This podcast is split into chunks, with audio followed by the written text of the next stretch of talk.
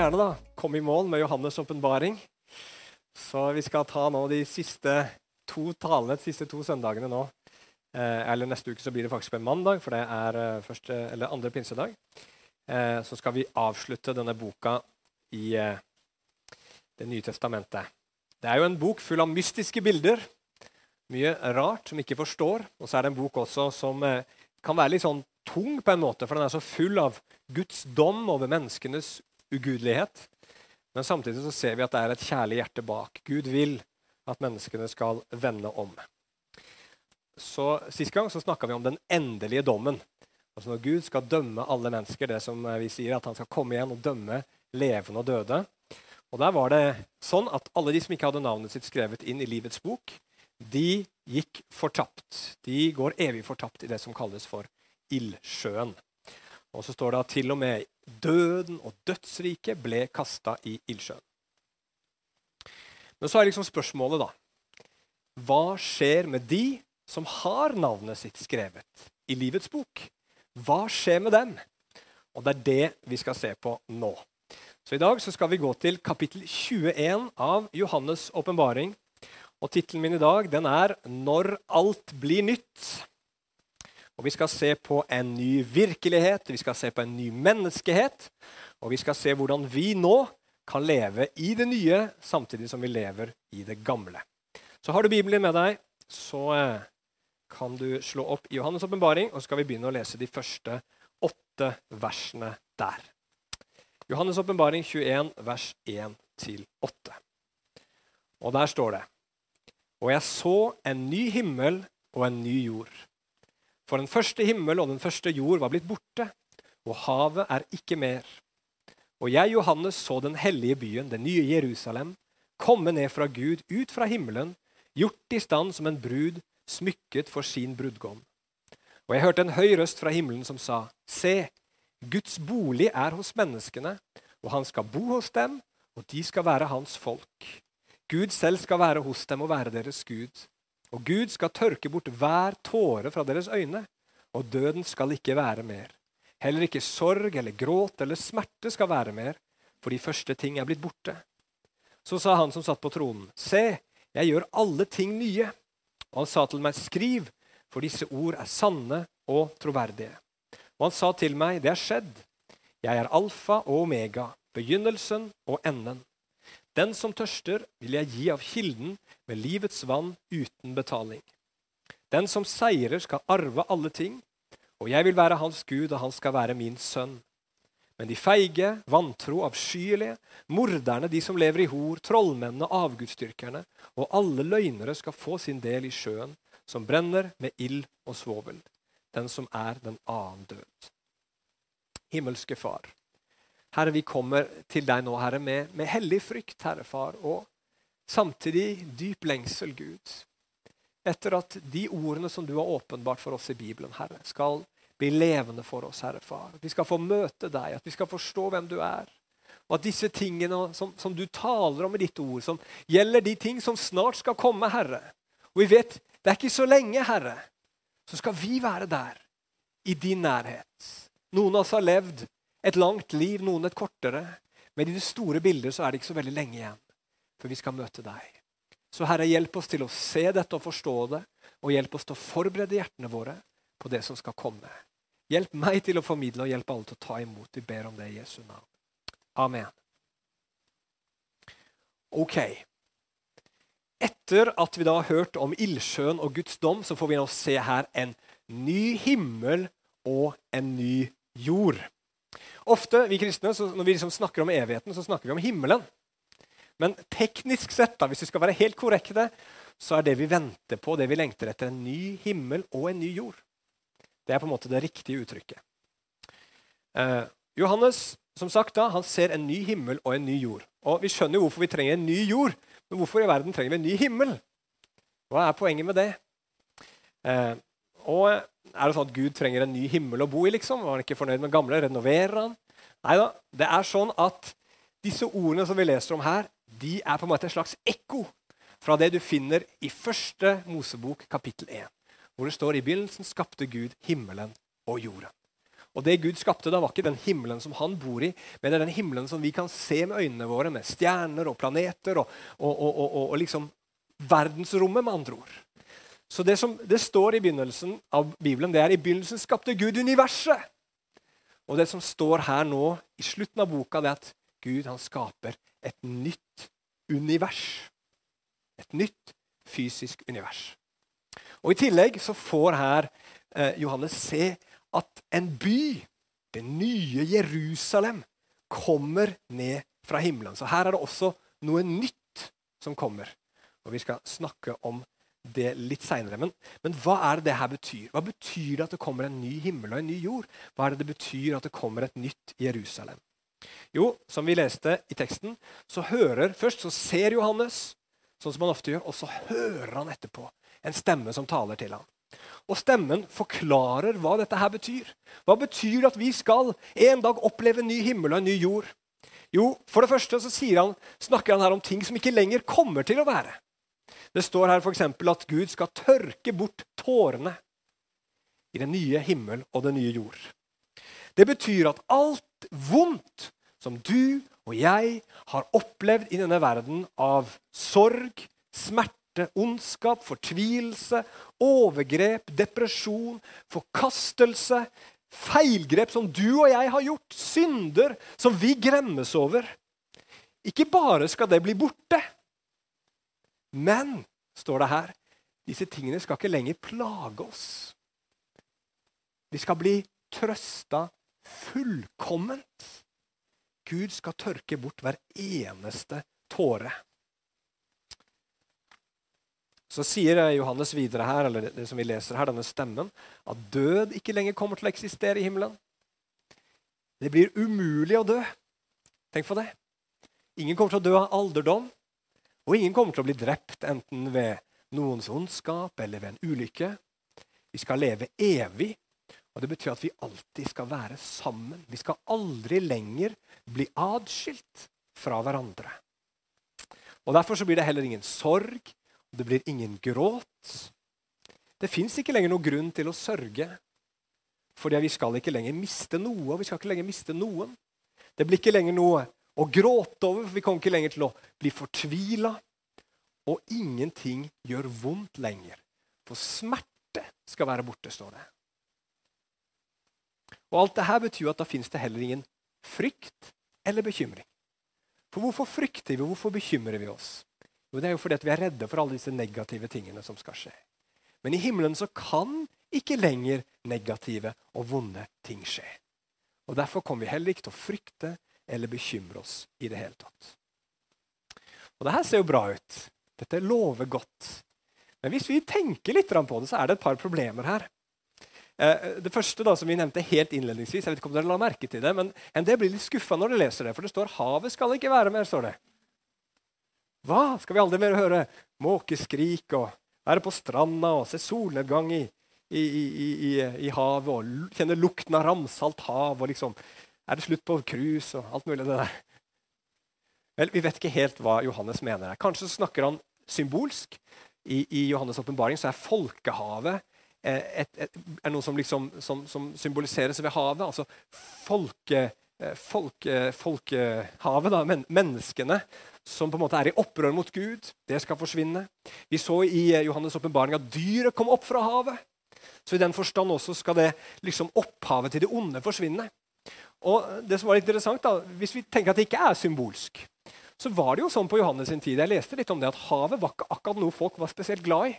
Vi har litt sånn romantisk forhold til havet, for vi trenger ikke å reise ut på havet i en liten seilbåt og fiske fisk for at familien vår skal overleve, og håper at det ikke blir storm. ikke sant? havet er. Hvis ikke du liksom er i sånne moderne kjempeskip med all slags mulige sikkerhetsforanstaltninger, så er havet en ganske skummel ting. Mange mennesker opp gjennom historien har mista livet sitt på havet. Men alt vondt og farlig skal ikke lenger være mer i evigheten. Og Hvis det skulle være sånn at det fysiske havet blir borte da i evigheten, så tror jeg ikke vi kommer til å savne det. og vi kommer ikke til å savne noen ting i himmelen. Så ikke vær bekymra for det. Men uansett, vi vet ikke helt hva det der betyr for noe.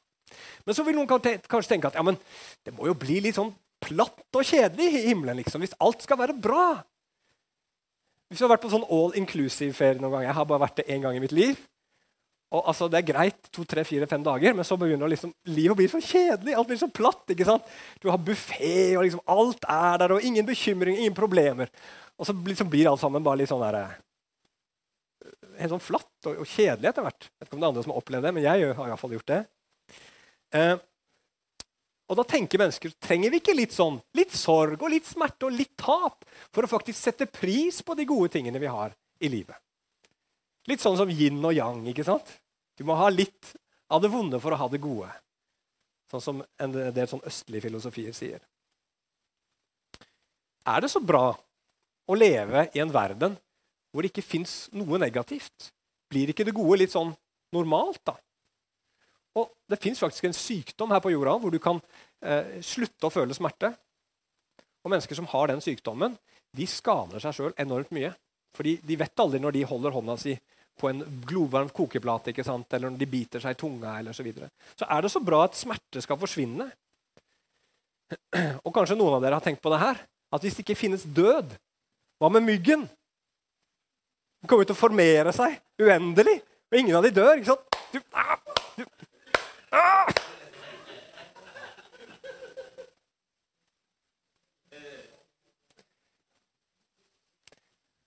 Blir det så kjekt i evigheten, da? Og jeg tror svaret på det rett og slett er at evigheten kommer til å bli radikalt annerledes. Det kommer til å bli noe helt annet enn det du og jeg kjenner akkurat nå. Bibelen beskriver det som det øyet ikke har sett, det øret ikke har hørt, det som ikke kom opp i noe menneskes hjerte. Det Gud har forberedt for de som elsker ham. Det står det i 1. Korinterbrev 2 og vers 8. Og Jeg sa det i dag morges på, på den familiegudstjenesten. Det blir som å forsøke å forklare for et menneske som er født blind, hva lys er for noe. Du kan ikke forklare det. For det, denne, dette mennesket har ikke erfaring som kan hjelpe dem å forstå hva du snakker om. Og Sånn er det med oss også. Vi har ingen erfaring av hvor bra denne himmelen kommer til å være. Så når vi hører disse ordene og disse bildene, så er det bare et svakt ekko av hva det betyr at Gud sier, 'Se, jeg gjør alle ting nye'. Men det er jo bra med, med, med, at det ikke er mange negative ting i himmelen, men det som er det mest fantastiske med himmelen, det er det som faktisk er der. Og hva er det? Jo, i vers 3 her så går Johannes, eller, eller den som snakker her, da, rett på sak og forteller oss at det beste med himmelen, det er følgende. Se, Guds bolig er blant menneskene. Han skal bo hos dem, og de skal være hans folk. Og Gud selv skal være hos dem og være deres Gud. Tre ganger understreker han at Gud skal være sammen med dem. Gud skal være der. Og det er det mest av alt som kommer til å gjøre himmelen til så utrolig fantastisk plass. Og jeg tror vi mangler Vi mangler, tror jeg, på mange måter eh, vi, vi er fattige på mange måter i vår kjennskap til Gud. Vi fatter og begriper ikke hvor bra dette her er. Ofte så spør vi ja, kommer det til å være fotball i himmelen, og kommer det til å være dataspill i himmelen, liksom, og kommer det til å være biler i himmelen. Gud kommer til å være i himmelen! Og vi skal være sammen med han, vi skal se han, vi skal møte han. Og det er det som kommer til å bli så utrolig fantastisk. Og det, det, det er sånn at Alt det som er godt og bra her på jorda, det er godt og bra fordi det kommer fra Gud. Fordi han er mye bedre enn alle de gode tingene han har skapt. Og du og jeg skal få møte han og være sammen med han. Det er han som er herlighetens opphav, og han skal vi møte. Han er alfa, står det her. Han er begynnelsen, han er opphavet, han er den største, han er den høyeste. Han er omega, står det her. Han er den som er liksom alle tings mål. Det er han alt handler om. Og denne dagen her så skal vi finne hva vi ble skapt for det som er den dype hensikten med våre liv, nemlig å kjenne Gud. Møte Han og finne vår tilfredsstillelse i den Gud er. Og Det beskrives her som å gratis få lov til å drikke av kilden med det levende vannet. Da skal vi få oppfylt alle våre lengsler. Og Det står at vi skal være Guds sønn og vi skal være Guds arving. Og Det forteller om dette nære fellesskapet vi skal ha, og at vi skal få erfare en rikdom som denne jorda her er så langt ifra å gi oss. Vi er Guds barn allerede nå, men den dagen skal vi få lov å oppleve fullheten i det. Ok, Så kommer noen litt alvorlige vers i vers 8 om hvem som ikke får komme inn. De som får del i sjøen som brenner med ild og svovel, den andre død. og Vi skal komme tilbake til det. Men det er en slags innledning igjen. Å, når man snakker om de som er utenfor, så er det en innledning for å snakke om hvem det er som er innenfor. Og nå skal vi få en ny presentasjon av de som får lov til å være med, nemlig lammets brud, eller ny menneskehet, som jeg kaller det. Og da står det da fra vers 9. Skal vi se En av de sju englene som hadde de sju skålene fylt med de sju siste plagene, kom deretter til meg, talte med meg og sa, 'Kom, jeg skal vise deg bruden, lammets kone.' Og i ånden førte han meg av sted til et stort og høyt fjell og viste meg den store byen, det hellige Jerusalem, som stiger ned fra himmelen fra Gud. Hun som har Guds herlighet.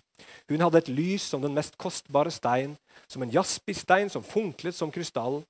Hun hadde også en stor og høy mur med tolv porter og tolv engler ved portene. På den var skrevet navnene på de tolv Israels stammer. Tre porter mot øst, tre porter mot nord, tre porter mot sør og tre porter mot vest. Og muren rundt byen hadde tolv grunnsteiner, og på dem sto navnene på lammets tolv apostler. Og han som talte med meg, hadde et gullrør. Med det skulle han måle byen, porten og muren. Byen strekker seg utover som en firkant. Lengden er den samme som bredden. Og han målte byen med røret 12 000 stadier. Lengden, bredden og høyden av den er like. Deretter målte han muren rundt byen. 144 alen etter menneskemål, som også er englemål. Muren var bygd av jaspis, og byen var av rent gull som glinset som glass. Grunnsteinene i byens mur var smykket med alle slags kostbare steiner. Den første grunnsteinen var jaspis, den andre safir, den tredje kalkedon, den fjerde smaragd, den femte sardonyx, den sjette sarder, den sjuende krysolitt, den åttende beryll, den niende topas, den tiende krysopras, den ellevte hyasint og den tolvte ametyst. De tolv portene var tolv perler. Hver enkelt port, port var én perle, og byens gate var av rent gull som gjennomsiktig glass. Så her kommer det altså en engel. og Det står beskrevet at det var en av disse englene som hadde gitt disse syv plagene. hvis dere husker tidligere i boka. Og Så tar han med seg Johannes opp på et høyt fjell i ånden. Og så skal han få se bruden, lammets kone. Og hva får han se? Jo, det er litt rart, da. Han får se en by. Det nye Jerusalem som kommer ned fra himmelen. Og det er en ganske så spesiell by, som dere kanskje la merke til. For det første så stråler byen står det her, som en kostbar stein og som jaspis. Det er en sånn favoritt i gamle evangeliske sanger. er det ikke det? Jaspis og gull. Men jaspis det kan hende at det er et eh, gammelt ord for diamant. Og så funkler byen som en krystall. Og så står det at byen er omringa av en mur, og denne muren har tolv porter. Tre for hver himmelretning, og ved hver port så står det en engel. Og ved hver port så står det navnet på én av Israels stammer. Ok, Og så står det at denne byen er bygd opp av tolv grunnstener, og på hver av disse stenene så står navnene på de tolv lammets apostler. Altså ja, Peter og Jakob og Johannes og alle apostlene. Men så blir det veldig spesielt når denne engelen nå skal begynne å måle denne byen. Fordi at det virker som den byen her er ikke bare helt kvadratisk, at lengden og bredden er like lange, men at den faktisk høyden også er lik. Så dette her er en kube. Og I tillegg til at det er en kube, så er det en gigantisk kube. For det står at den er 12 000 stadier fra ende til annen. Og Man tror at 12 000 stadier var den størrelsen på den daværende kjente verden.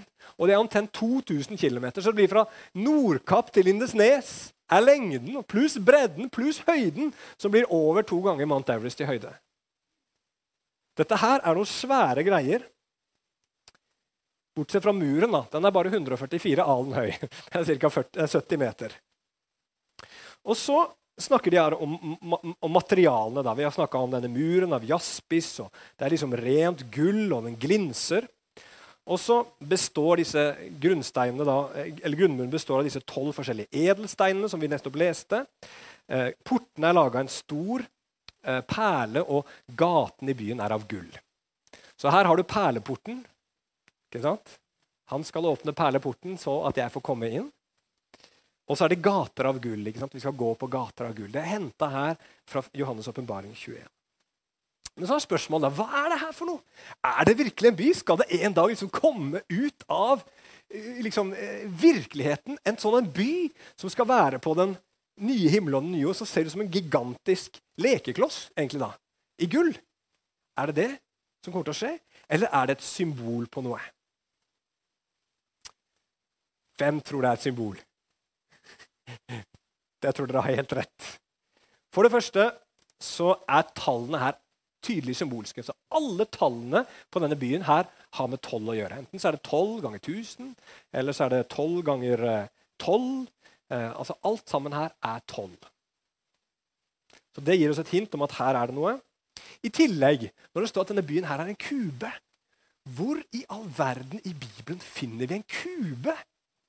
Et sted hvor lengden og bredden og høyden var akkurat like. Jo, det var inne i tabernaklet, i det aller helligste. Der var lengden, bredden og høyden nøyaktig like. Og hvor i Bibelen finner vi tolv forskjellige edelsteiner? Yes, Noen viser her. Det var på brystplaten til denne presten som gikk inn og tjente Gud i det aller helligste. Noe som også peker i retning av at dette her er symbolsk, er at det er utrolig upraktisk å bare ha tre porter langs en mur som er 2000 km lang. tenk du skal inn i byen. da. Jeg vet ikke hvor mye det blir mellom hver port, men det blir sikkert sånn 600 km mellom hver port. og sånn. Så, så, det er jo utrolig tungvint. Men, så er, jeg tenker at dette er et symbol. Men hva er det et symbol på? Jo, vi har allerede sett det. I vers 2 sto det at, at det nye Jerusalem kommer ned fra himmelen som en brud smykket for sin brudgom. Og Johannes får høre av engelen, 'Kom, så skal jeg vise deg bruden.' Lammets brud. Dette her er et symbol på Guds folk. Og hva er tallet for Guds folk i Bibelen? Hvor mange stammer var det i Israel? Tolv. Hvor mange apostler var starten på Guds menighet? Tolv. Her er dette her et bilde på Guds folk. Men hvorfor i all verden er det representert som en by? Det fins nok flere grunner til det, men i hvert fall så står det som en veldig tydelig kontrast til Babylon. Par eh, kapitler lenger bak, som var også en by. Men den var ikke på Guds side, den var i opprør mot Gud. Og for de av dere som har hørt videoen om Babylon, så, så, forklarte jeg det at Babylon på en måte representerer menneskeheten i opprør mot Gud. Som bruker alle Guds gaver, men mot Guds hensikter. Men her har vi da også en ny menneskehet, en ny sivilisasjon en ny verdensbefolkning som lever i fellesskap med Gud. Så da, Når vi leser her at det liksom er gull og diamanter og Guds herlighet, så er det Guds folk som stråler på denne måten. Når vi leser at Guds folk er representert ved denne kuben, som er lik i alle tre dimensjoner, så betyr det at Guds folk er hellig som i det aller helligste. Og får være i det aller helligste.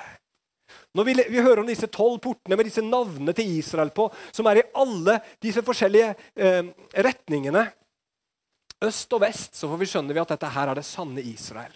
Hvor folk fra alle verdens hjørner kommer inn. Når vi hører om disse tolv steinene ikke sant, som presten bar på, så får vi forstår vi at disse her er prester for Gud. De får lov til å ha fellesskap med den levende Gud, være nær Han, osv. Og Når alt dette her er så, symbol, er så harmonisk, alt er symmetrisk, så tror jeg dette her forteller oss om at en dag så skal hele menneskeheten under Gud leve i harmoni med hverandre. Det blir bra. Og det aller flotteste her er jo at dette her er landets bryllup. Her er det en forening mellom Gud og mennesker som finner sted. Her er det som alle paktene i Bibelen peker fram mot. Her skal mennesket bli forent med Gud. Så alt dette her peker på at dette her faktisk er Guds folk. Hvis vi leser videre, så står det i vers 22.: Men jeg så ikke noe tempel i den, for Herren Gud, den allmektige, og lammet er dens tempel. Og byen har ikke bruk for solen eller månen til å skinne i den, for Guds herlighet opplyste den. Lammet er dens lys, og de frelstes folkeslag skal vandre dens lys. Og kongene på jorden fører sin herlighet og ære inn i den. Dens porter skal aldri være stengt om dagen, natt skal ikke være der, og de skal føre folkeslagenes herlighet og ære inn i den. Det skal aldri noensinne komme noen inn i den som gjør den uren eller er årsak til styggedom eller løgn, men bare de som er innskrevet i livets bok hos lammet. Og Det er så mye her, Jeg har ikke tid til å kommentere alt, men la meg bare si et par ting. For det første så skal Gud bli menneskehetens lys. Alle mennesker skal vandre i Guds sannhet når dette her skjer. Så står det noe litt merkelig her at folkeslagene skal føre sin herlighet inn i dette nye Jerusalem. Hva i all verden betyr det? Hvordan kan liksom vår herlighet fra denne tidsalder bringe noe herlighet inn i dette som kommer til å bli så bra i framtiden?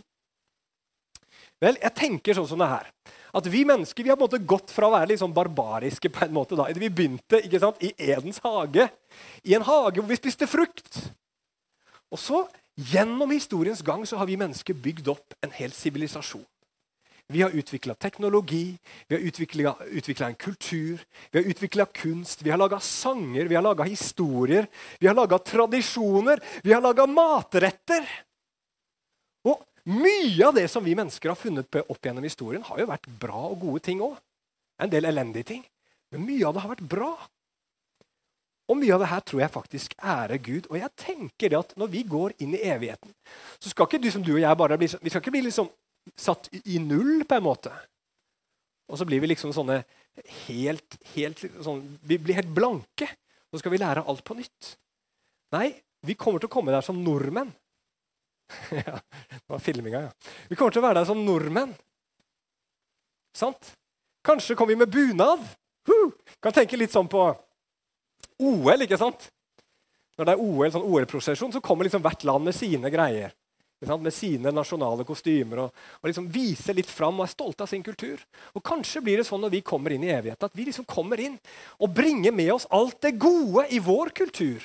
Alt det gode som vi har funnet på og skapt i denne verden. Og så er dette her med og bringer ære til Gud og velsigner denne evigheten som vi skal leve sammen. Så det betyr da, hvis jeg har rett, at det blir f.eks. kumle i himmelen. Men det er jo klart at vi kommer til å spise den med smør og sukker. det er jeg helt overbevist om. Og så blir det absolutt trygghet. Her kommer ingen ond til å komme inn. Ingenting ondt kommer til å komme inn.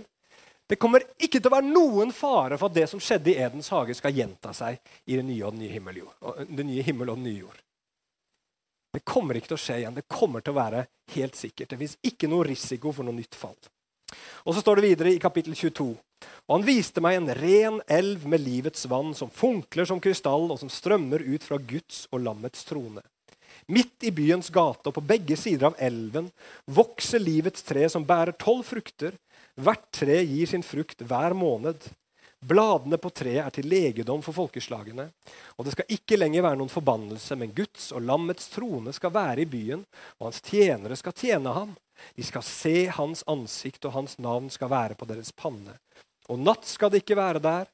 De trenger ingen lampe og heller ikke lys fra solen, for Herren Gud gir dem lys, og de skal herske som konger i all evighet. Det vi ser helt til slutt her, er at eh, man må på en måte bli brakt tilbake igjen til Edens hage. Hvor det var en elv som rant gjennom hele, hele hagen. Og så sto det at i Edens hage så var livets tre.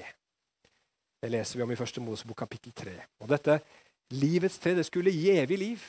Det kunne gi evig liv. Adam og Eva fikk ikke lov til å spise av det, for da kom de til å leve evig som syndere. Men nå når dette har skjedd, så skal menneskeheten igjen få tilgang til livets tre, at de skal spise og leve evig. Og vi forstår at dette er symbolsk. For det står, hvis du leste nøye her, så står det at dette livets tre skal stå på gaten. Og samtidig skal livets tre stå på begge sider av elven. tenker du, her, Hvor i all verden går det an? Det er symbolsk. Det forteller oss at livets tre, altså Guds liv, skal være tilgjengelig for oss alle sammen. Og så skal Guds kraft og helbredelse og liv fylle absolutt alle mennesker som er der. For deg som lurer på om du kommer til å bli helbreda en gang, så kan jeg garantere deg at du blir helbreda. Det er bare et spørsmål om når. Men du vil bli helbreda. Det lover Bibelen deg. Og så leste vi at forbannelsen er slutt. All den elendigheten som synden brakte med seg inn i verden, den tar slutt når vi kommer til den nye himmel og den nye jord.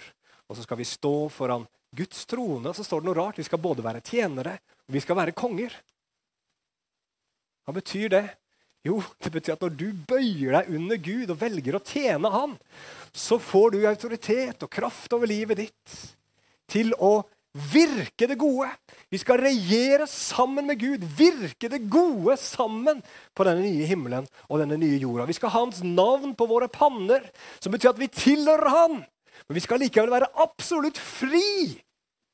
For det er ingenting som er bedre enn å være en Guds trell, som det står i Bibelen. Da er du virkelig fri. Og best av alt så skal vi få se Han ansikt til ansikt. Og Det står i Bibelen at ingen kan se Gud og leve. Og likevel så skal du og jeg på den dagen der få se Gud ansikt til ansikt. Og Her er det mye å bare tenke på og grunne på. Jeg vil bare anbefaler alle sammen når dere kommer hjem til å sitte og kikke på disse versene. Be Den hellige hånd om å undervise dere. Tenke på alt det som en dag skal bli vårt. For det kommer til å bli vanvittig bra, skal jeg si deg. Og hvor bra blir det? Det kommer til å bli så bra at Romerbrevet 8 og vers 18 sier at denne tids lidelser blir for ingenting å regne sammenligna med den herlighet som en dag skal bli åpenbart på oss. Tenk på alt det mennesket kan gå igjennom i dette livet. Tenk hvor grusomt noen kan ha det. Tenk for, for slags forferdelige ting noen mennesker har gått gjennom. Og så sier Bibelen at sammenligna med hvor bra det blir i evigheten, så blir det som ingenting å regne. Og det betyr to ting. Eh, Paulus sier i 2. Korinterbrev 4,17 at vår trengsel er lett og kort. Altså, For det første så blir liksom den lidelsen vi opplever her nede, den blir så liten sammenligna med den gleden og herligheten og freden som vi kommer til å kjenne på. Og Samtidig så kommer den tiden her nede til å bli så uendelig kort sammenligna med den evige lengden på den tiden som du og jeg skal tilbringe i Guds nærvær. Jeg har et bilde som jeg pleier å bruke. Nå ble jeg bare minnet på det. Tenk deg at dette rommet her er fylt med tau. Tau som bare kveiler seg opp og fyller hele dette rommet her. Og det tyter ut av bygningen, og det bare ligger en gigantisk haug av sånn tynt, vanlig tau. ligger en gigantisk haug over hele Nærbø, over hele Jæren. Et fjell av tau. Har du såpass fantasi? Så holder jeg den ene enden her. Og så viser jeg den enden til dere. Og på den enden, helt ytterst på enden så er det en sånn liten, tynn, rød strek.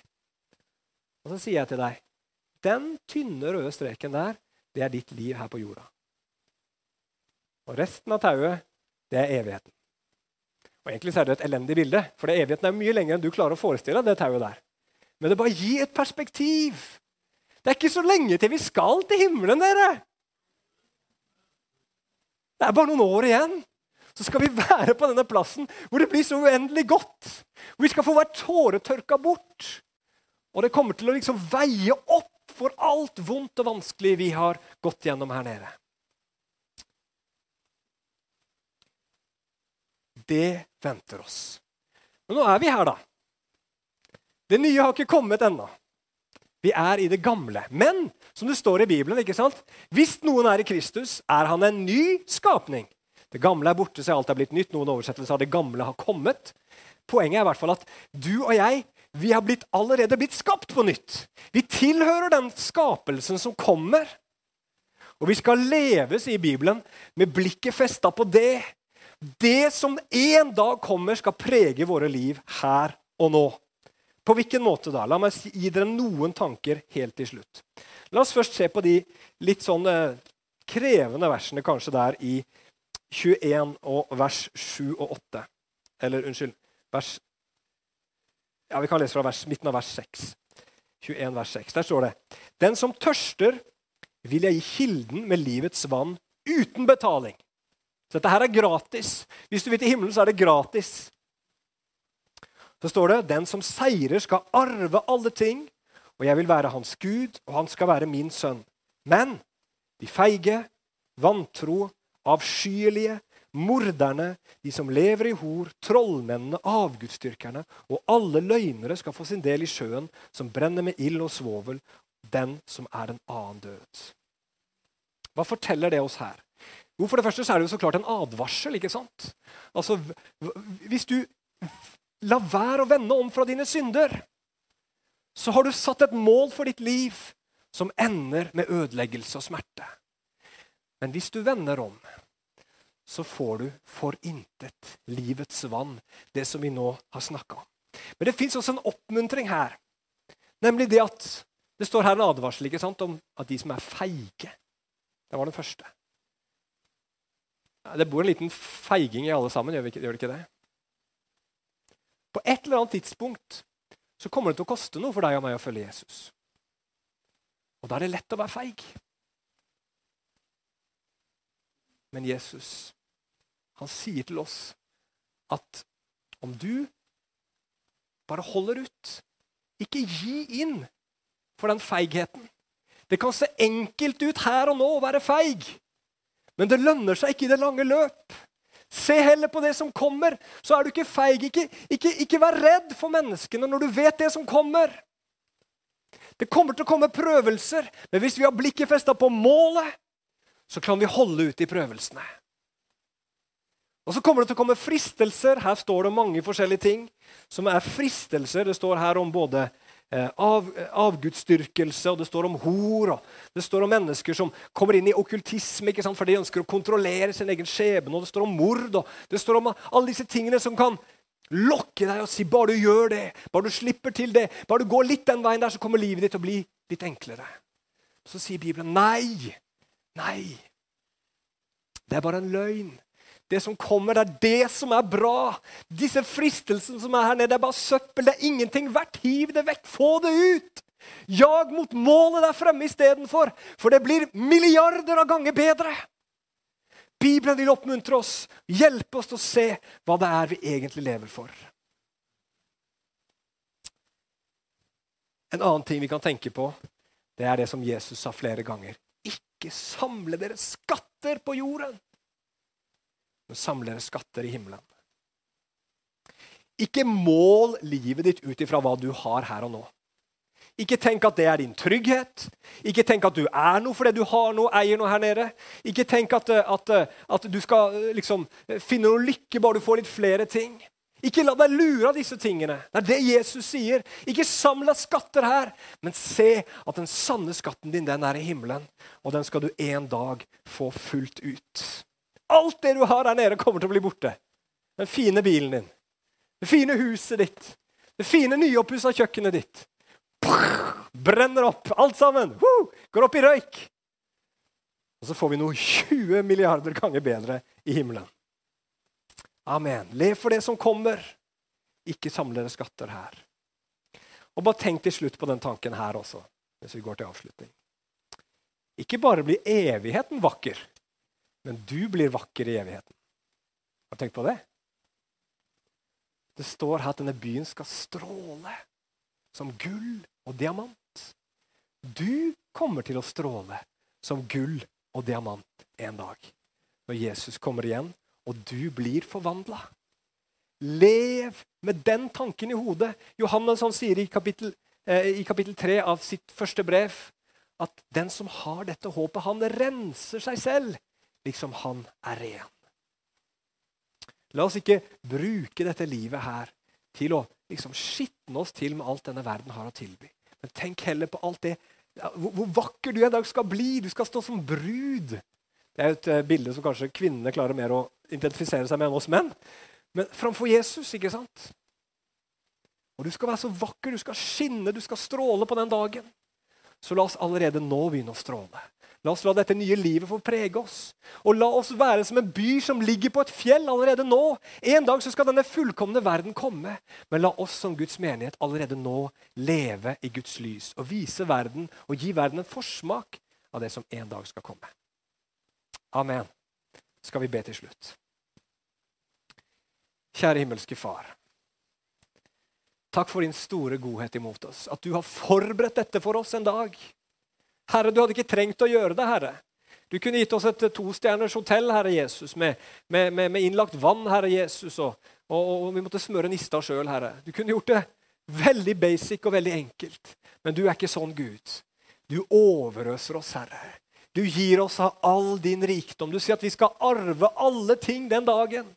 Herre, hjelp oss å leve her og nå, midt i denne verden, og ta ansvar for våre liv, og samtidig se at vi lever for noe større. Vi lever for noe annet som skal komme en dag.